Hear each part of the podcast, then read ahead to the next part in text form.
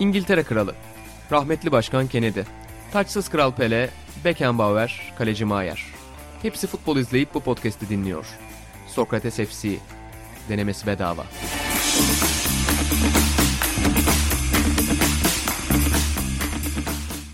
Sokrates FC'den herkese merhabalar. Ben İnan Özdemir, Burak Balaban ve Atan Altınordu ile birlikte futbol dünyasının Acar Podcast'te Sokrates FC'nin yeni bölümünde karşınızdayız efendim. Tabii ki çok önemli reklamlarım olacak yine her programın başında olduğu gibi. Bizi feedimizden, Sokrates FC feedinden, Apple'dan, Spotify'dan, podcast dinleyebileceğiniz her yerden dinlemeye devam ediyorsunuz tabii ki. Bunun yanında bu sefer derginin yeni sayısını hatırlatmayacağım. Geçen sayıda hatırlatmıştım. Dükkan.sokratesdergi.com'da bulabileceğinizi ama esas bu sefer bir indirimimiz var biliyorsunuz. Sokrates'te indirim yapmayı çok seviyor. Bugün itibariyle ki dün itibariyeleydi aslında podcast'ı dinlediğinizde bu söylediğim şey çok anlamsız olacak ama dükkan.sokratesdergi.com adresinden satın alacağınız tüm dergilerde bu dönemde %40 indirim var. Sokrates Garaj kodunu kullanarak tükenmemiş, hala hazırda tükenmemiş sayılarımızı alabilirsiniz. Arşivinizi tamamlayabilirsiniz. Elinizi çabuk tutmanızı öneririm. Burada şaka falan yapmıyorum. Bazı sayılardan çünkü 10-15 tane olduğunu görüyorum ben. Bizim dergi arşivinin satış şeyine bakıyorum sık sık. Sevgili arkadaşlarım da ofiste bilirler. Çok satışa şeyimdir böyle bakarım hangi dergi gitmiş. Bitcoin takip edenler gibi piyasayı açıp açıp. Bir ara bağımlılık yapmıştı Burak. Özellikle pandeminin başında bayi satışımız tamamen durunca, tamamen internete yönelince hakikaten borsacılar, bitcoin'ciler gibi sürekli yükseliyor mu, yükseldi mi diye bakıyordum. Dediğim gibi Sokrates garaj koduyla birlikte %40 indirimi kapabilirsiniz. Sizlerin bir eksiği yok değil mi arkadaşlar? Yalan reklam yapalım hadi. Bende bütün sayılar var. Kaç tane var Atan? Aynen öyle.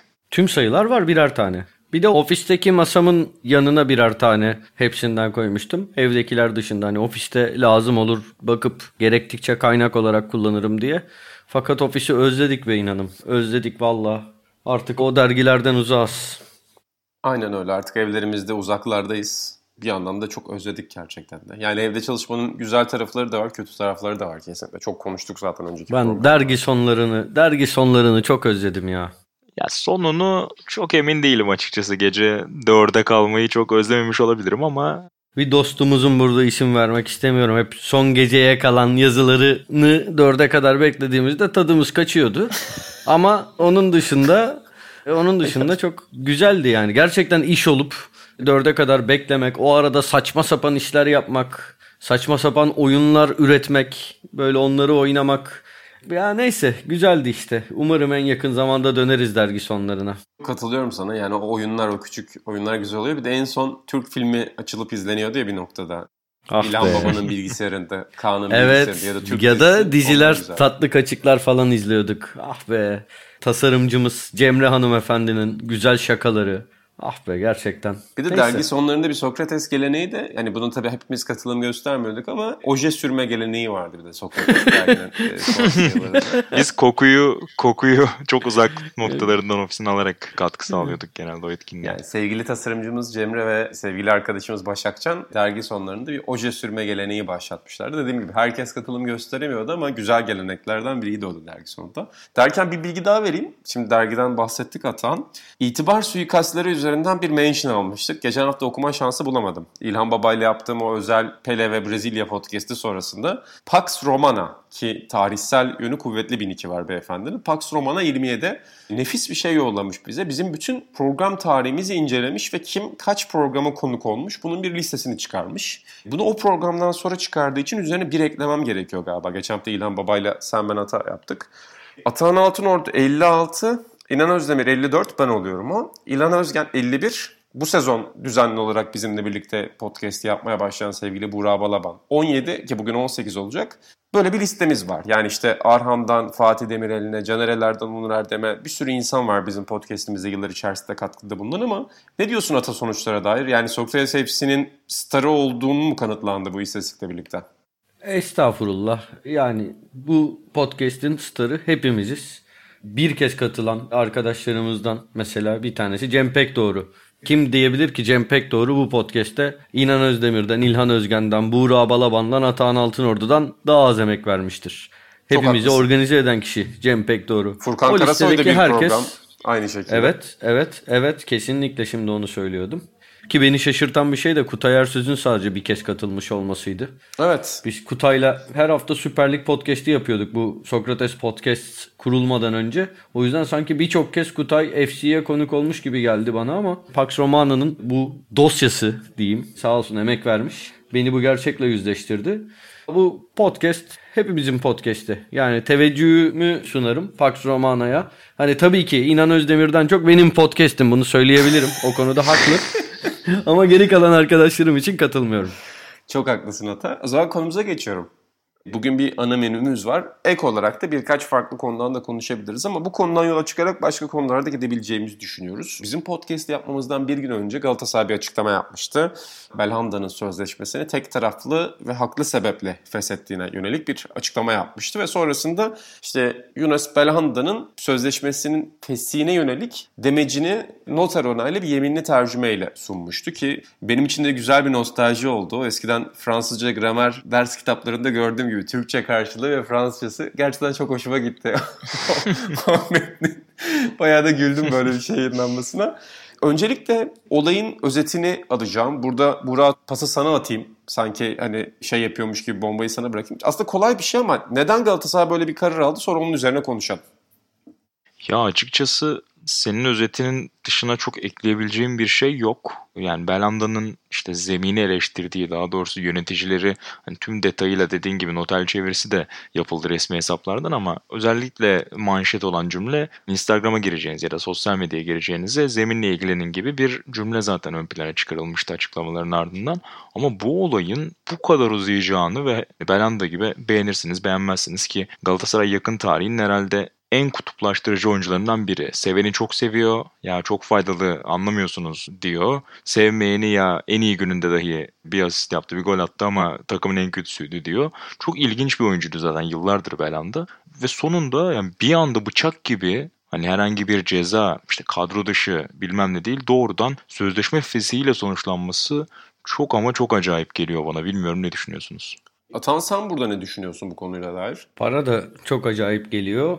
Bence tarihi bir olay. Bundan 10 yıl 15 yıl sonra bile belki daha sonra bile hatırlanacak, konuşulacak bir olay olduğunu düşünüyorum ki zaten Belhanda geldiği ilk günden beri konuşuldu. Ben hayatımda belki de ilk kez ya da en çok diyeyim herhangi bir takım taraftarını bu kadar bölen ve seneler boyunca bunu yapan bir oyuncu gördüm. Gelişi zaten olaylıydı. Hani herkesin bildiği şeyler çok fazla detayına girmeye gerek yok ama geliş süreci yönetilemedi Galatasaray transfer süreci. Çünkü Galatasaray taraftarının çok sevdiği bir oyuncunun gidiş sürecinde daha gitmeden Snyder'in gittiği belli olmadan 10 numaralı formasıyla işte pozlar verildi. Daha doğrusu store'dan 10 numaralı Galatasaray store'dan 10 numaralı Belanda formalarının fotoğrafları sızdı.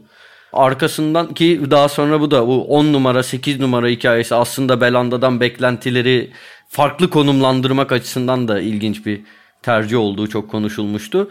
Oyun olarak da bazen çok çok iyi ama olağanüstü istikrarsız bir oyuncu olduğu için hep insanlar bölündü. Belandacılar, Belanda düşmanları ki artık yani zaten futbol taraftarları çıldırdı. En çıldırdıkları seneyi yaşıyoruz. Herkes öyle yanlış mı? Herkes Bu şey mi bilimsel bir çalışma mı ya? Futbol taraftarlarının en çıldırdığı sene bu sene.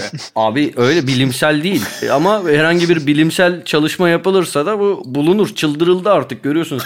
Her hafta her takım hakemden mağdur. Yani zaten mağdurdu da artık ya her maç, her olay, her düdük inanılmaz teorileri beraberinde getiriyor ve herkes aynı anda çıldırıyor.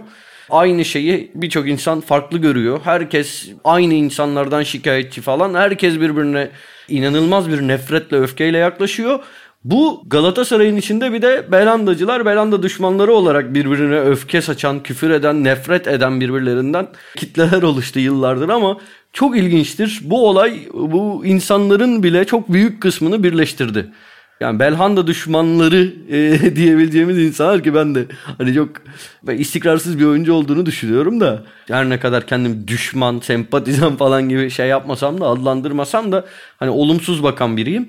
Ama en nefret edenlerin bile birçoğu bu karara anlam verememiş durumda. Çünkü bu kadar kötü yönetilen bir süreç olamaz herhalde. Yani öncesinde bu zeminse problem yani oradan alalım.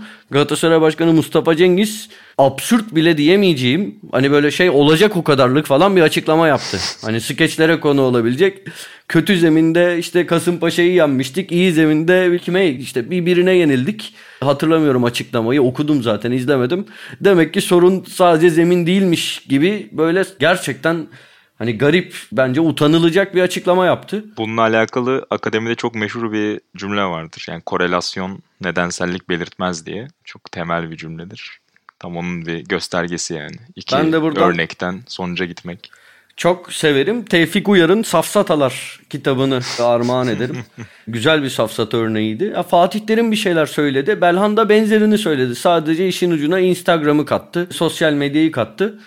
Birilerinin kaprisine, işte egosuna falan çattı herhalde. Orada ben merak ediyorum kimin bu kararda önderlik ettiğini. Hani ortada bir elebaşı var muhtemelen ama kim olduğunu bilmiyoruz. Gerçekten çok garip.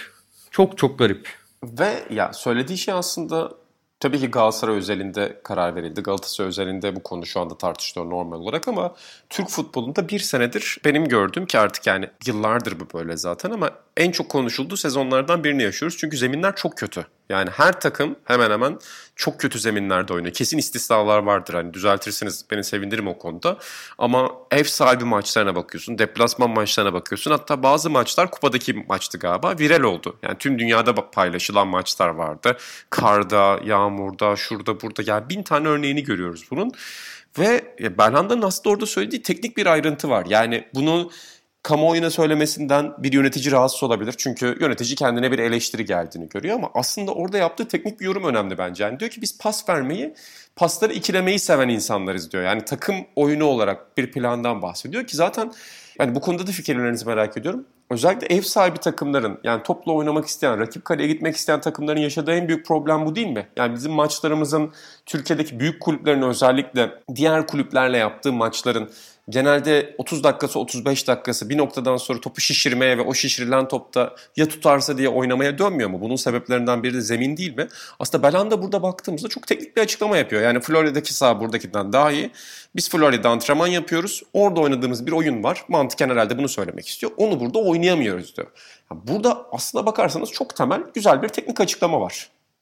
Ya kesinlikle öyle ki yani şöyle bakalım. Mesela TT Arena'nın, Türk Telekom Arena'nın zemini bu sezon gayet iyi olsa ve böyle bir problem yaşanmasa Anadolu deplasmanlarına gittiğinde Galatasaray kötü zeminlerde puan kaybetse zaten Atan dediği gibi Fatih Terim'in de bu yönde açıklamaları vardı zaten zeminden şikayet eden ama bu tür durumları tüm yöneticiler muhtemelen ilk başta bunu söyleyecekti. Ya böyle zeminde futbol oynayamıyoruz. Yıllardan beri zaten büyük kulüp yöneticilerinin şikayet ettiği konulardan biridir bu yani en kolay sığınabileceğiniz liman sonuçta.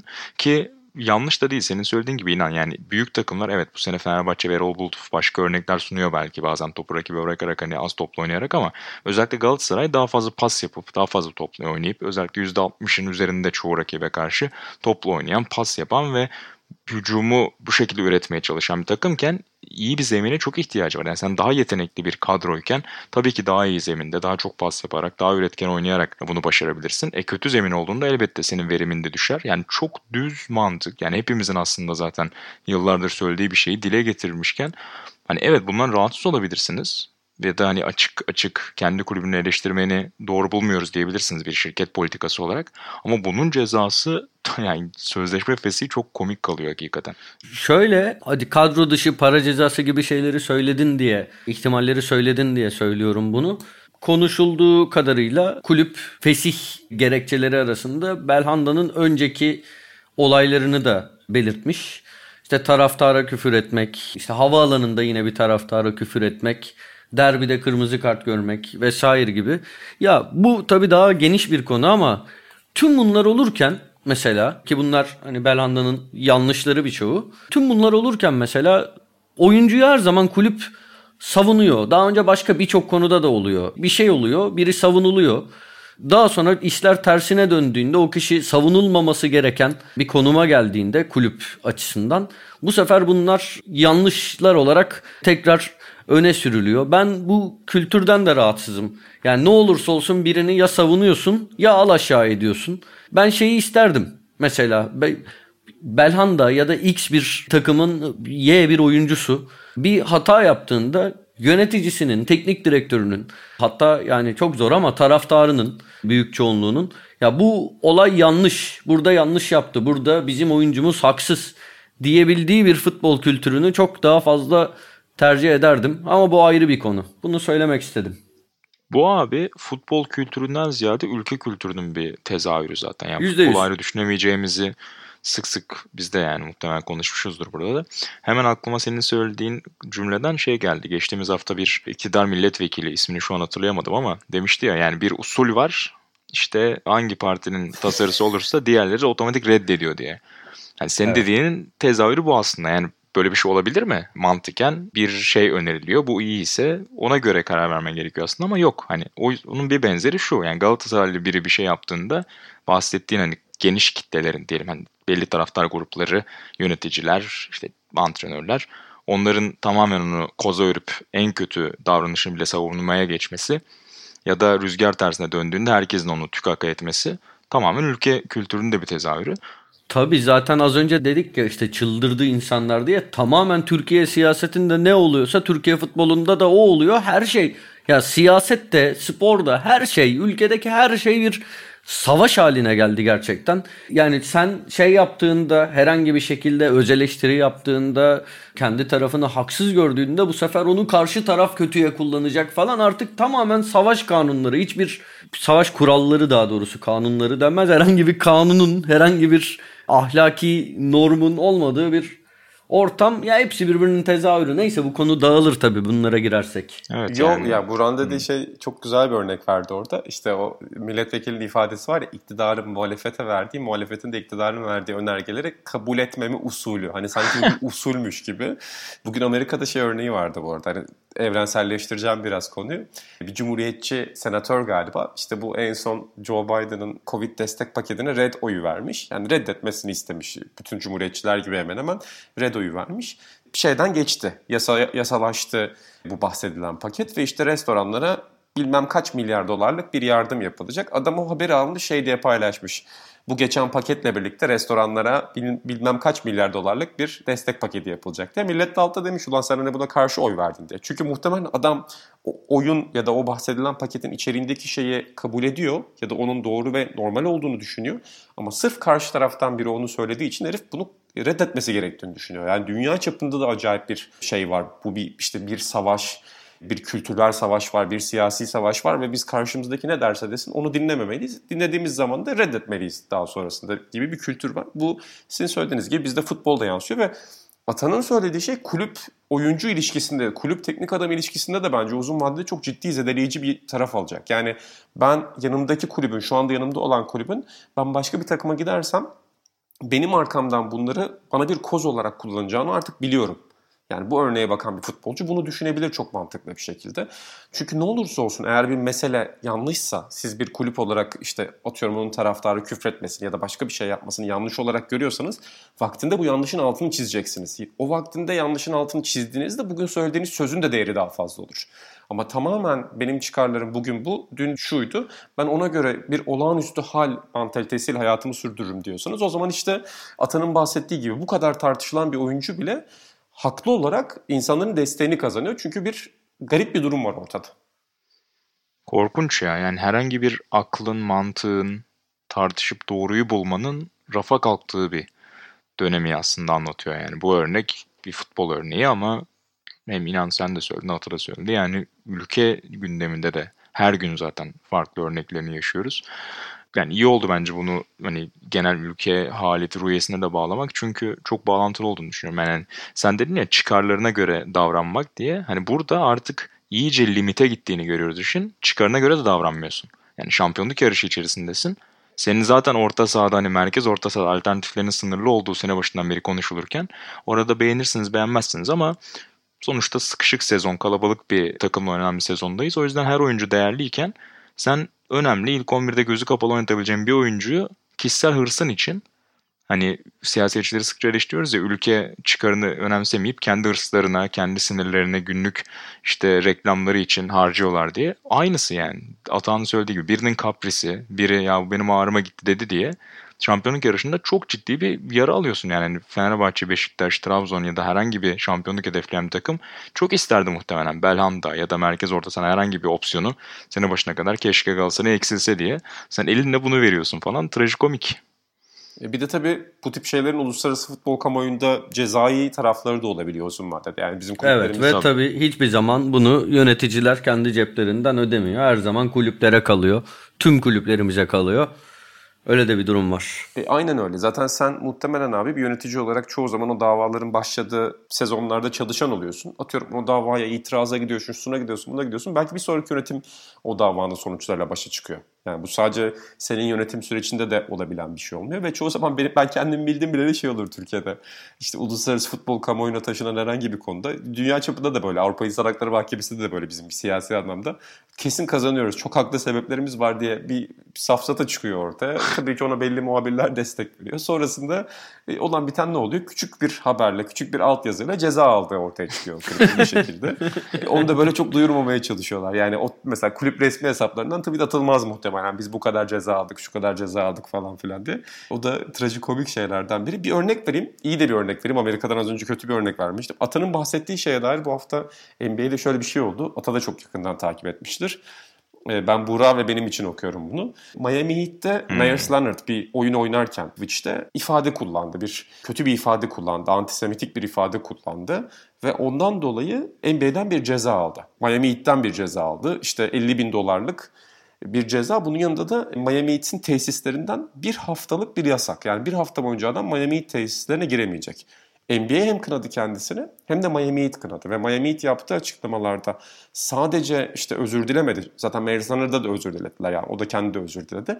Aynı zamanda Miami dedi ki bu çok ciddi bir yanlıştır. Kullandığı ifade çok ciddi bir yanlıştır. Ve biz o ifadeyi neden yanlış olduğunu ona göstermek için şöyle adımlar atacağız. Hani ona eşitliğin, toleransın, hoşgörünün, saygının ne olduğunu göstermek istiyoruz dedi. Ve şimdi işte onu bir kültürel çeşitlilik programına katmak istiyorlar. Ve o kültürel çeşitlilik programında bu konulara dair bir eğitim almasını istiyorlar. Yani siz bunu tabii ki dediğim gibi işte Amerika çok iyi. Hani öyle öyle de bir algı vardır ya işte Premier Lig'de her şey yolunda Türkiye'de değil. Oralarda da bazen insanlar rekabetin içerisinde kendi çıkarlarına ve egolarına göre hareket ediyor. Ama iyi bir örnek var burada. Yani oyuncular eğer zamanında başka yanlışlar yaptıysa o yanlışların altını çizmek ve bunu düzelteceğinizi söylemek sizin ileride alacağınız kararda tutarlı olmanızı sağlar. Bizde o tutarlılık maalesef sergilenemiyor. Bir örnek olarak bu Myers Leonard örneğini vermiş oldum ben de. Buradan size şunu soracağım. Yani önce Atay'a soracağım sonra Buğra'ya hatta bunu genel spor yöneticilerine de çevirebiliriz ama kulüp yöneticiliğiyle başlayalım. Bir insan neden kulüp yöneticisi olur? Yani Türkiye'de kulüp yöneticileri kulüp yöneticisi olurken sporu, futbolu ve o takımları çok sevdikleri için mi oluyorlar? Genelleştirmiyorum tabii ki istisnaları vardır ama yoksa Belhanda'nın dediği gibi Twitter'a, Facebook'a bakmak ya da sosyal medyaya bakmak, biraz kendi ismini öne çıkarmak bu resmin neresinde kalıyor Ata? Yani cevap verdin zaten. İlki bunu söylemeye gerek yok. Malumu ilam. Yani tabii ki kendi reklamları için oluyorlar. Yani öyle olmasa zaten bu yöneticilerin %99'u hiç bu toplara girmez veya gerçekten kulüpleri sevdikleri, e, onlar için görev almak istedikleri, fayda sağlamak istedikleri için giriyor olsalar çıktıktan sonra da başka şekillerde katkı vermeye devam ederler ama bunu işte %1'lik falan bir dilim herhalde gerçekleştiriyor. Hatta düşman oluyorlar yani onu da söyleyebiliriz. Çıktıkları zaman mı? Genellikle yani kulüplere oldukça mesafeli ve çok çok fazla eleştirel yaklaşıyorlar. Özellikle iyi ayrılmayanlar. Yani zamanında oradaki kamuoyunu yani spor yöneticiliği üzerinden ulaşılan nüfuzu diyelim kendi çıkarları için iş gereklilikleri için kullanan çok fazla yönetici olduğu ve bunun için aslında bu kadar fazla talep gören bir konu olduğu çok anlatılırdı. Hani mutlaka istisna kaideyi bozmaz. Gerçekten çok sevdiği ve kulübe hizmet etmek istediği için de bu görevleri alanlar olabilir ama genelleme yapıyoruz tabii ki. Son dönemde benim gözlemlediğim biraz yani her hani spor muhabirlerini, kulüp muhabirlerini ya da hani belki bizde dahil edebiliriz spikerleri herhangi bir spor bileşenini de için içine katarak sosyal medyanın da ben etkisi olduğunu düşünüyorum. Yani her yöneticinin başkanım işte forvet, başkanım bilmem ne işte büyüksün başkanım bilmem ne. Yani illa başkan olması gerekiyor. Yöneticilere de herkes böyle hitap ediyor ya. En ufak bir şube müdürüne başkanım müdürüm denirdi ya bizde her zaman. Onun tezahürü belki de. Hani bunu da insanlar işte takipçi ya da orada gelecek sürekli etkileşim gibi konuları dahi bence önemsemeye başlayan bir insan grubu var. Yani onun bile etkisi olabilir son dönemde. Sadece mutlaka bunların da zaten ekonomik sonuçları oluyor da. Ya hayat bu oldu zaten. Hayat bu oldu zaten. Yani şey böyle insanlar var değil. Herkes böyle bence. Artık. Yani spor yöneticinin de hani ayrı düşünmek çok gerçekçi olmaz herhalde. Mutlaka onun için onun coşkusuna, onun pırıltısına kapılanlar da vardır. Bir de bütün herkes kapıldı Bir de Buğra senin dediğinin yani ikinizin dediğinin şöyle bir örneği var. Eskiden şey vardı gazetelerde işte X şu oyuncuyu getirdi. Y bu oyuncuyu hmm, getirdi. İşte Florida'ya uçtu. Monaco'ya uçtu. Yani Florida'ya uçmuyorlardı. Florida'dan kimi getireceksin de işte Monaco'ya uçtu. Milano'ya uçtu. Bilmem nereye uçtu. Onu yanında getirdi. Daha eski haberlere gidiyorsun. Otelde gizledi. Otelden getirdi. Oyuncuyu kaçırdı. Şu oldu bu oldu haberleri vardı. Şimdi de şey haberi çok ünlü tabii. İlk oyuncuyla ilk fotoğrafı hangi yönetici verecek? Hatta hangi yöneticinin bilmem ne akrabası beyler benim işte dayım şurada çalışıyor şöyle bir haber aldım onu verecek. WhatsApp'ta bile bunu görüyoruz. Hadi WhatsApp'taki WhatsApp'tan gelen 1 milyon şeyin 999'u yanlış oluyor ama geri kalana bakıyorsun gerçekten de o yarış da çok zedeliyor. Yani kulüp yöneticilerinin tamamen ona doğru döndüğünü görüyoruz burada. Diğer taraftan spor yöneticiliği de öyle. Yani spor yöneticiliği zaten eskiden beri işte bu jimnastiğinden buz patenine baktığında spor yöneticiliği de eskiden beri siyasetle göbek bağı olan bir şeydi. Ama işte Burak hani 2-3 ay önce hangi sayı olduğunu hatırlatırsan çok sevinirim. Sadık Pehlivan'la bir röportajım vardı. Hı hı. Hatta daha önce de olabilir. Türkiye bir bu şu gerçeğiyle tanıştı. İşte önce Bir Gün Gazetesi'nde çok güzel haberler çıktı bu konuda. Senin yaptığın röportaj çok değerliydi. Yani o Wushu Federasyonu'nda bile baktığında ki seyircilerimiz için hafıza tazelersen çok sevinirim. Orada bile görüyorsun ki Türkiye'de bir spor yöneticisi olmak çok küçük bir sporun ya da çok tanınmayan bir sporda bile öyle bir ego ve iktidar alanı yaratıyor ki sana futbolu düşünemiyorum bile Galatasaray, Fenerbahçe'de, Beşiktaş'ta olmayı. Evet ya çok çok enteresan gerçekten. Bu yılın ilk sayısı Ocak 2021 sayısındaydı o röportaj senin söylediğin ki öncesinde Eren Tutel de onu da analım bir günde çok fazla haberini yapmıştı. Yani geçmişten beri zaten son 20-30 yılda işte özellikle dövüş sporları ya da savunma sporları diyelim o tür federasyonlarda bu tür siyasi bağlantıları güçlü yapılanmalar olduğu çok konuşuyordu ama hani söylediğin gibi Wushu gibi yani birçok insanın birkaç ay önce kadar duymadığı hayatında ki benim de yani bildiğim bir spor değildi atıyorum oralarda da ne tür böyle ufak tefek hesapların döndüğünü, ne tür her şeyin böyle bir siyasete bağlandığını, ya burada bir hata yapıyorsunuz diye biri haber yaptığında işte galiba İsrail'e falan bağlanan açıklamalar yapılıyor ve resmi hesaplardan. Yani hani şey ya ben yan, ben mi bir şey kaçırıyorum falan diye böyle etrafa bakıyorsun. John Travolta gibi yani o meşhur GIF'teki. Böyle sağa sola bakıyorsun. Çok çok enteresan yani. Bunun sonu nereye çıkıyor ya da nasıl bir dönüm noktası, nasıl bir kurtuluş umudumuz olacak? Gün geçtikçe azalıyor herhalde. Yok. Tek, kurtuluşun tek yolu var Buğra bence. Böyle bir profile geçeceksin abi insan Bireysel olarak. kurtuluşta. Yani. Aman bana bana evet bana ba, hayır ba, bana mı kaldı diyeceksin ve sen de böyle olacaksın abi. Ya valla tek kurtuluş bence bu.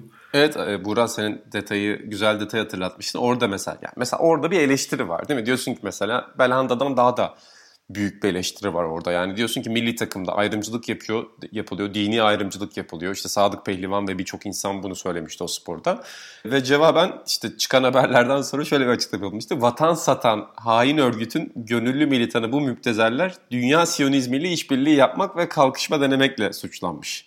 Yani düşün. Aynen abi. Yani ben evet, yazıda da geçirmiştim. Siyonizm kelimesini unuttum ya hatırlattın sağ ol. Ne, ne diyebilirsin ki yani? Neyse. Yok çok haklısın o konuda. Zaten az önce komplo dediniz ya aklıma şey geldi. Dün Twitter'da gördüm ya konuyu değiştireceğim de çok komime gitti. Bu Covid il haritası var ya yapılan işte güvenlik hmm. işte her bölümün kendi şeyi var falan. Biri şey demiş bu Haçlıların bilmem ne haritasına benziyor falan demiş. İlk yoruma baktım alta en sevdiğim şeydir. İlhan Özgen'i de anayım buradan. İlhan Özgen de çok severiz internetin böyle derinlerine girmeyi alta bir beyefendi şey yazmış mesleğini bilmiyorum. Haçlılar bin yıllık plan yaparlar. On yıllık, yüz yıllık değil diye. Ya mesela bu da çok hoşuma gidiyor benim yani Haçlıların Haçlıların bin yıllık planlarının böylesine güzel deşifresi çok hoşuma gitti benim. Orada da beyefendiye çok teşekkür ediyorum bu hatırlatması üzerine. Dediğiniz gibi yani zeminden başladık, eleştiriden başladık ama Türkiye'de yani bu tabii ki kulüp özelinde değerlendirmesi gereken bir konu ama hani kulüpten ayrı da çok ciddi bir kültürel probleme doğru gidiyor. Herhangi bir şekilde eleştiri kaldırmama, ego, tamamen her şeyin önüne egoyu koyma, kişisel çıkarları koyma. Hatta Buran'ın dediği gibi çıkarların bile ötesine geçme artık. Yani takım tabii, çıkarlarını tabii. bile düşünmeden böyle hareket yapma çok ciddi bir noktaya ulaştı şu anda.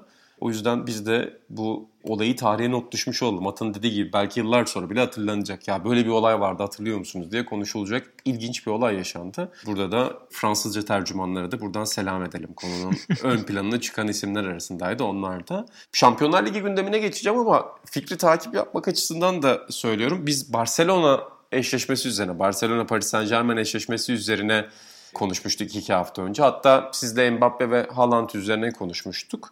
Şampiyonlar Ligi'nden bu hafta tekrar notlara bakalım diyecektim. İşte programın sonuna doğru artık yaklaşırken ne notlarınız var? Tabii Barcelona'da hem Laporta'nın tekrar göreve gelmesi ki artık yıllar önce bir daha bu kulübün kapısından giremez tarzında yollanan birinden bahsediyoruz. Çok ilginç orada.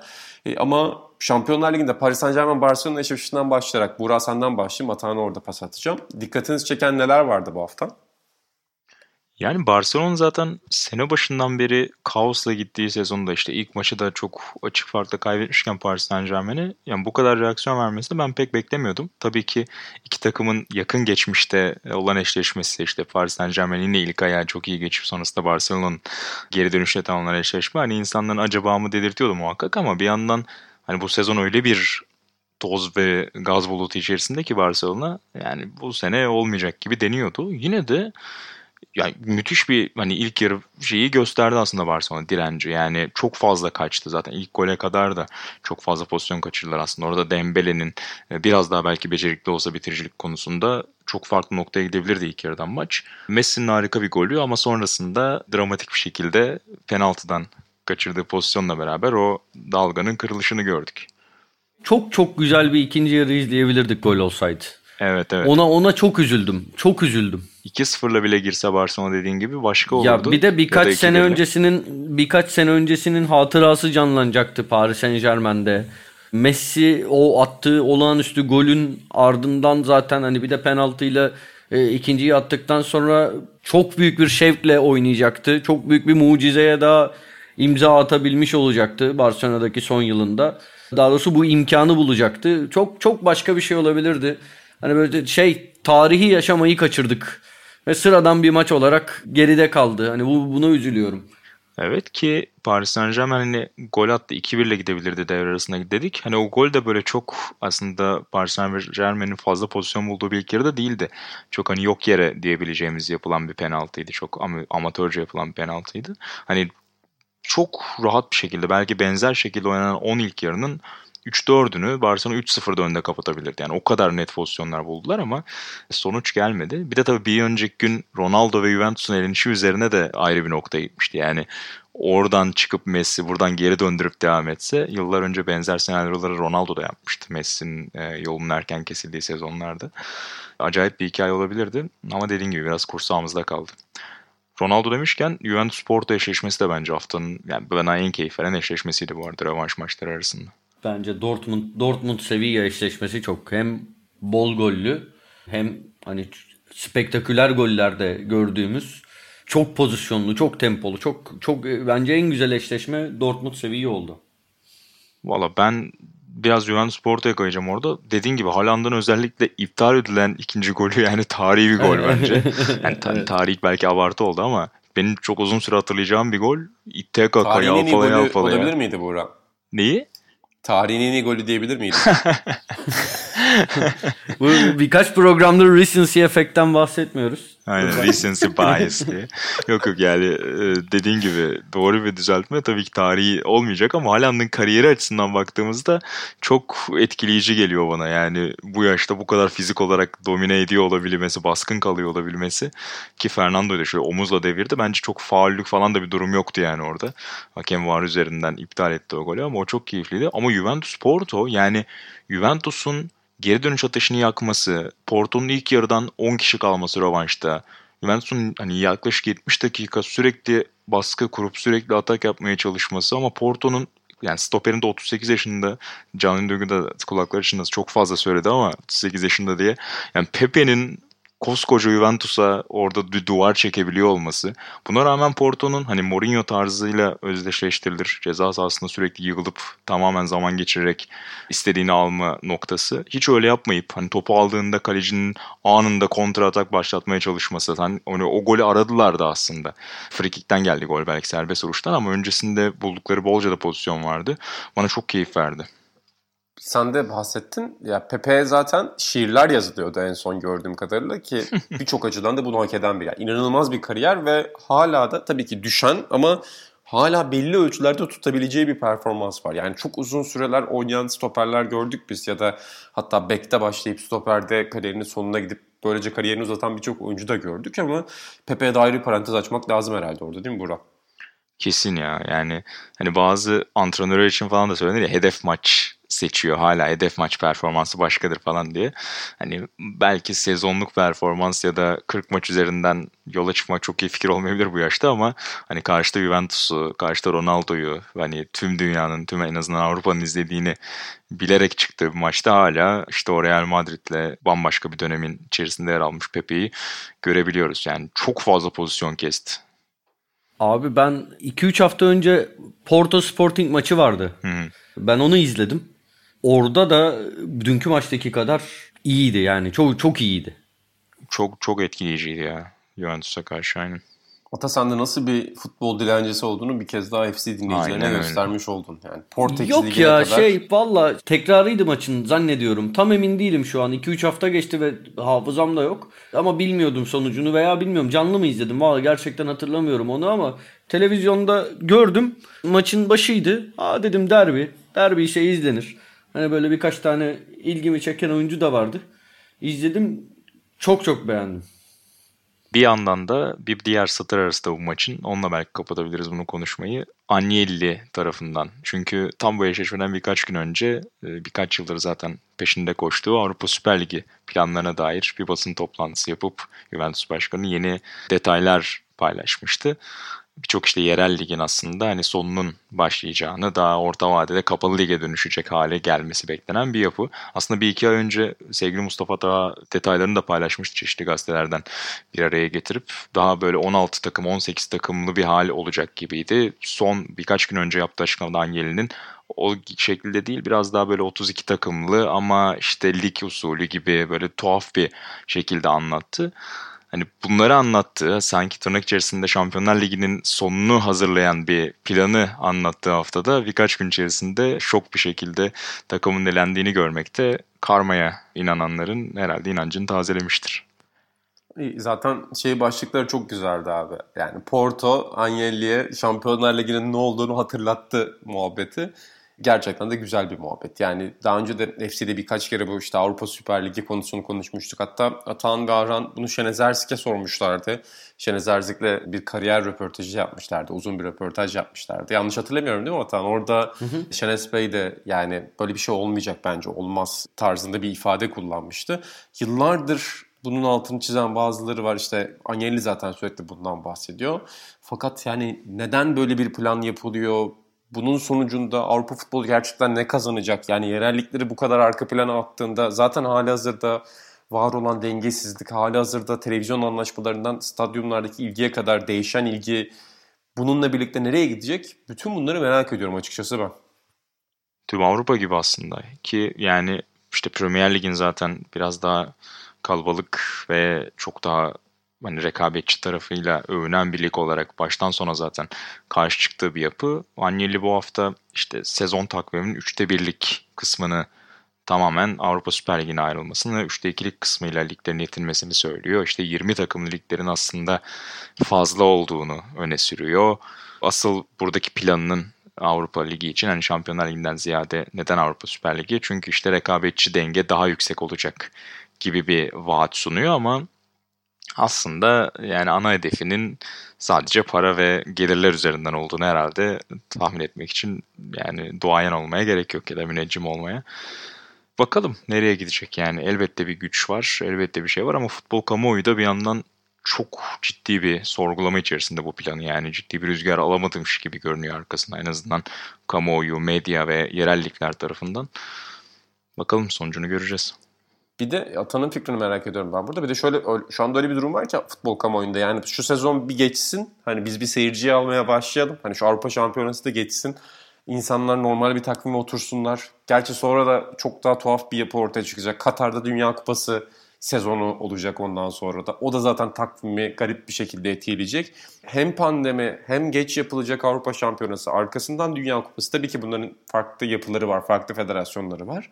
Fakat çok ciddi bir sıkıntı var zaten futbolda. Bir de bunun üstüne böyle ciddi bir format değişimi. Yani bugünden yarına olan bir şey değil. Uzun vadeli plandan bahsediliyor ama futbol kamuoyunun da ben hani beyler bir sakin olalım. Biz zaten işte pandemi, Katar Dünya Kupası birçok sorunla uğraşıyoruz.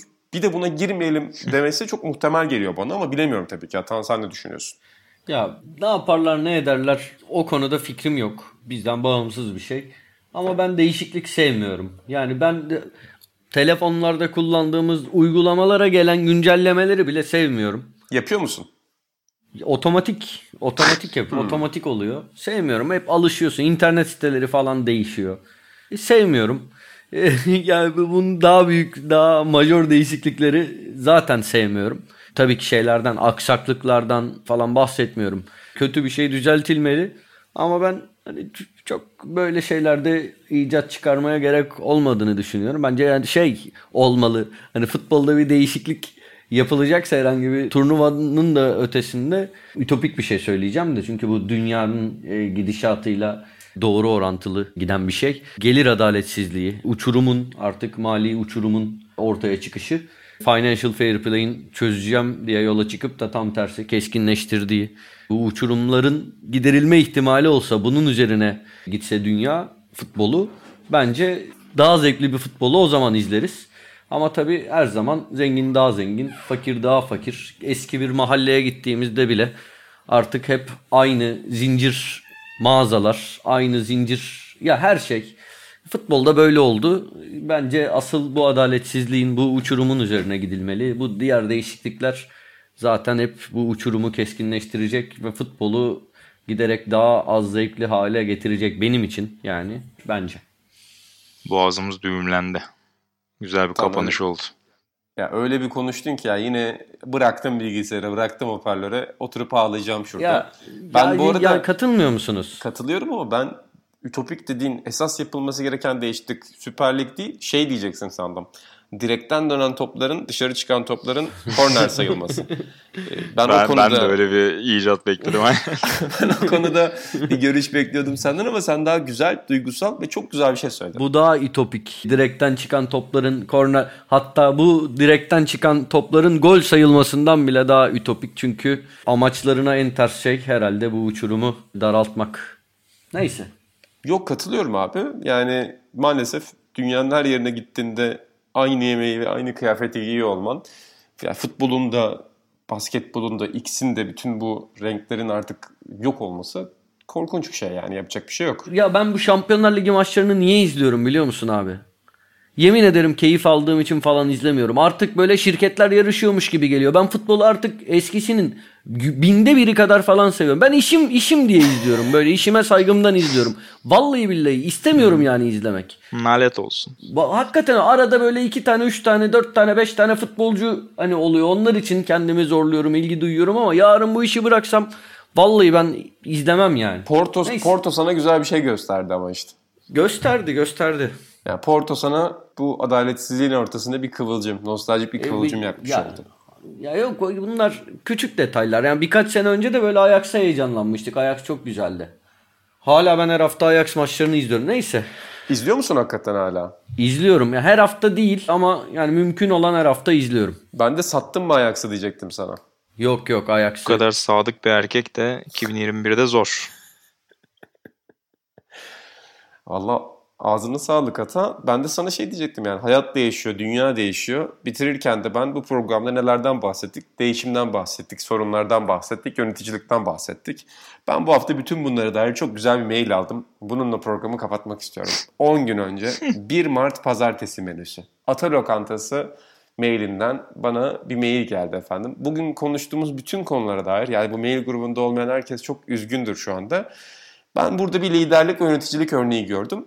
Zam konusu üzerine yani Atağan fiyat güncellemesi diyeyim. Lokanta yemeklerine dair yaptığı fiyat güncellemesini paylaşırken birçok romandan, şu anda yazılan birçok novelladan daha uzun bir metin kaleme almış. E, ellerine Ya, sağlık. Kısa öykü diyebiliriz. Abi yani hayat çok aşırı pahalılaştı. Çok çok pahalılaştı. Yani belki sohbetlerimizde söylüyorumdur. Geçen Buğra'yla konuştuk. Lokantaya geldiğinde ben bazen hani markete gidiyorum çikolata almak için. Yok ya bu para bu bu para etmez deyip çıkıyorum. Küçücük bir çikolatadan bahsediyorum. Hani bunun dışında işin doğalgazı, benzini, şusu, busu yani elektriği, yiyecek yani temel gıda şeyleri falan an- anormal pahalılaştı ki biz böyle bir sürü şey konuşuyoruz ama aslında yani başka bir şey konuşmaya yer bırakmayacak kadar büyük bir ekonomik sıkıntının içerisindeyiz ülke olarak. Neyse ben de mecbur yani o lokantanın giderleri %30 falan arttı abi. Çılgınlık bir şey. Hani birazcık zam yapmak zorunda kaldım. Ama utanarak hani onu açıklamak istedim ki ondan sonra bile daha alışamadım. İki gün üç gün sonra mesela biri geliyor dükkana hani yemeğini söylüyor atıyorum bakıyorum 43 lira. Ya diyorum bunlar 43 lira olamaz utanıyorum 43 demeye böyle 35 falan diyorum gerçekten. yeni yeni alışmaya başladım. Hayat çok pahalı abi neyse. Yani çok güzel. Ya bu arada gülüyoruz, eğleniyoruz da söylediğin şey çok önemli. Yani başta bir siyasi kaplaşmadan işte herkesin kendi kutupları üzerinden fikirlerini ifade etmesinden, bütün oyların buna göre verilmesinden falan mecliste bahsettik. Zaten senin az önce söylediğin problem aslında bütün bunların kaynağı. Orada öyle büyük bir problem var ki onu göstermemek için insanlara ki görülmeyecek gibi değil. Sen insanlara başka bir şey veriyorsun yani. Siyasi partiler insanlara başka bir şey veriyor. Çünkü en azından o hassasiyetler üzerinden o insanları yakalayayım ben. İşte benim dinime, namusuma, şunu buna laf uzatılıyor gibi her şeyi göstereyim. Bari buradaki sıkıntılar görülmesin diye düşünüyorlar ama sen burada bütün sorunları çok fahiş bir şekilde, çok şeffaf bir şekilde ortaya koymuşsun. Senden bir isteğim de olacak. Bir bölüm benim çok ilgimi çekti bu metinde. Gıda ürünlerine gelen faiz zamlardan çok kötü etkileniyoruz. İsteyen herkese yılbaşı öncesi ve sonrası faturalarımızı gösterebilirim demişsin. Göndereyim abi sana. İsteyen oldu mu? Yok olmadı. Hatta ya şöyle söyleyeyim. Ben o gün hani gerçekten korktum da gerçekten hani az bir zam yaptım yapmam gerekenden ama zaten hani insanlara her şey olduğu gibi hani yemekler de pahalı insanların olumsuz tepki vereceğinden korktum. Abi o gün yani herhangi bir günün iki katı satış yaptım. İnsanlar zannediyorum destek olmak istedi. Anladılar. Kimseden olumsuz ya hemen hemen kimseden olumsuz bir reaksiyon almadım. Sağ olsunlar ne diyeyim. Herkese çok teşekkür ederiz burada. Hem Sokrates hem Ata Lokantası bizi takip eden hem FC, yine Pax Romana tarihsel nikli seyircimiz. Herkese çok teşekkür ediyoruz podcast'ta andık. Ben size de çok teşekkür ediyorum arkadaşlar. Güzel bir yerden vurgu yaptın Ata. Biz de yakın dönemde derginin fiyatına bu tip bir nedenden dolayı ki o da biz bize programında açıklanmıştı. Zam yapmak zorunda kalmıştık. Ama sen burada etten pilavdan bahsettin. Onu da vurgulayalım tekrardan. %40 indirimimiz var. Dükkan.sokrates.dergi.com'da Sokrates garaj koduyla. Kullanın efendim arşivinizi oluşturun ya da arşiviniz varsa eksik parçalarınızı tamamlayalım diyelim. Çok sağ olun arkadaşlar. Sevgili Buğra Balaban, sevgili Atahan Altınordu. Örnek bir moderasyon. Tebrik ederim. Biz de sana teşekkür ederiz. İşte bu kadar. Ben- ben 11. teşekkür perondan sonra performansın yükseldi. E, aynen öyle. Rakip gelince her zaman performans yükselir. Rekabet geliştirir her zaman. Aynen öyle rekabet geliştirir. Haklı rekabet geliştirir. Dileriz yeni bölümlerde de efendim sizlerle daha güzel konulardan, daha mutlu, ekonomik anlamda rahat konulardan bahsederiz. Ama bir süre daha böyle gidecek gibi görünüyor. Hoşçakalın diyelim. Hoşçakalın. Hoşçakalın.